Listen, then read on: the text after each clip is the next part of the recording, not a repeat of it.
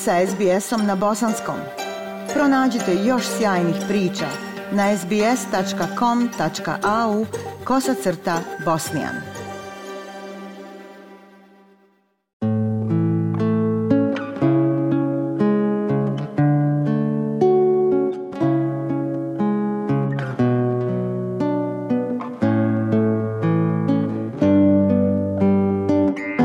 Slušate SBS program na bosanskom. Kako se danas završava sedmica borbe protiv demencije u Australiji, te želeći dati naš doprinos u podizanju svijesti o toj teškoj bolesti, donosimo prilog o važnosti društvenog života ljudi oboljelih od demencije. U Australiji više od 400.000 ljudi živi s demencijom, i ona je i dalje drugi najveći uzrok smrti. Čak i kada je to tako, dijagnoza ne mora značiti kraj zdravog društvenog života.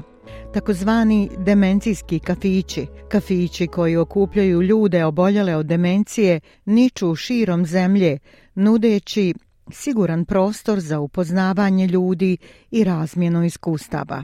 Bob Dimatina je među 400.000 ljudi u Australiji koji žive s demencijom, koja je zapravo širok pojam za simptome uzrokovane poremećajima koji utiču na mozak. Supruga gospodina Di Matina Grace, brine o svom mužu.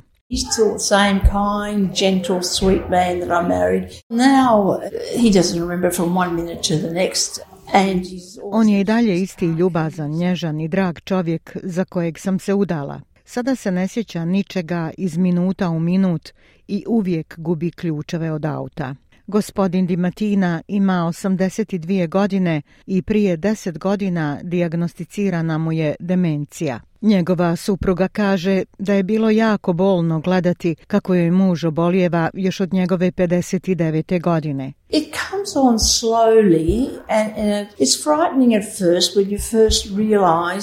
Demencija dolazi polako. U početku je zastrašujuće kada prvi put shvatiš da osoba koju voliš ne može zapamtiti stvari. Tužna sam kad pomislim šta je sve mogao, a šta ne može sada. Ponekad se čak i naljutim zbog situacije i osjećam se kao da ga gubim. Pomalo, ali gubim ga. I tu na scenu stupaju demencijski kafići za ljude oboljele od demencije. Globalni pokret pomaže osobama koje žive s demencijom da održe aktivan društveni život. Gospođa Dimatina objašnjava.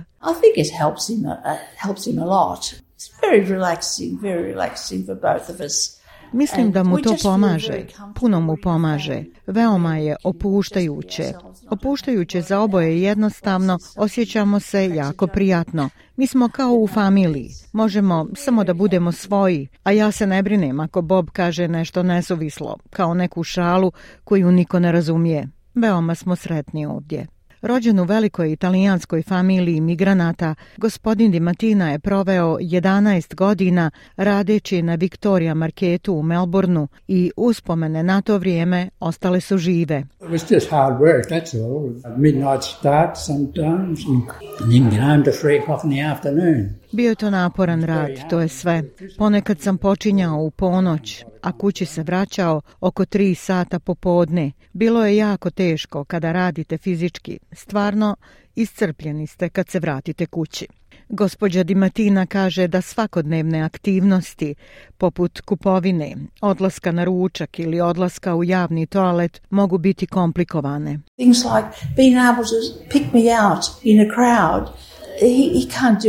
Stvari kao što su da me ne može prepoznati u gomili, on to ne može učiniti, paničari i mogu vidjeti paniku u njegovim očima.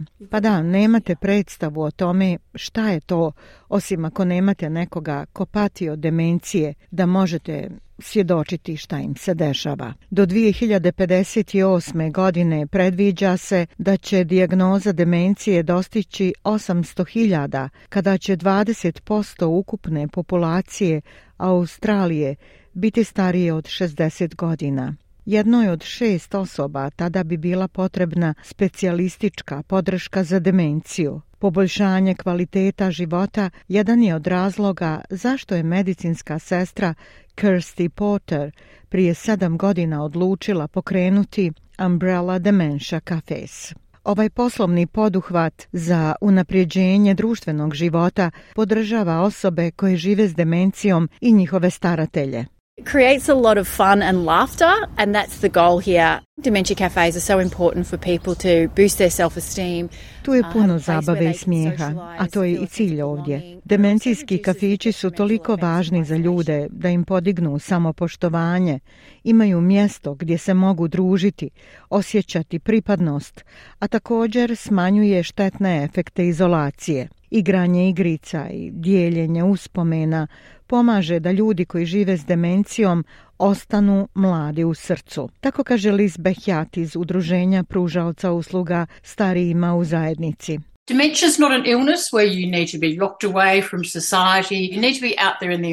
Demencija nije bolest u kojoj morate biti izolovani od društva. Morate biti na otvorenom. Još uvijek ste dio društva i zapravo treba da uživate u životu. Jedna od uloga tih kafića je da oni treba da budu i kao prodavnice, sve na jednom mjestu.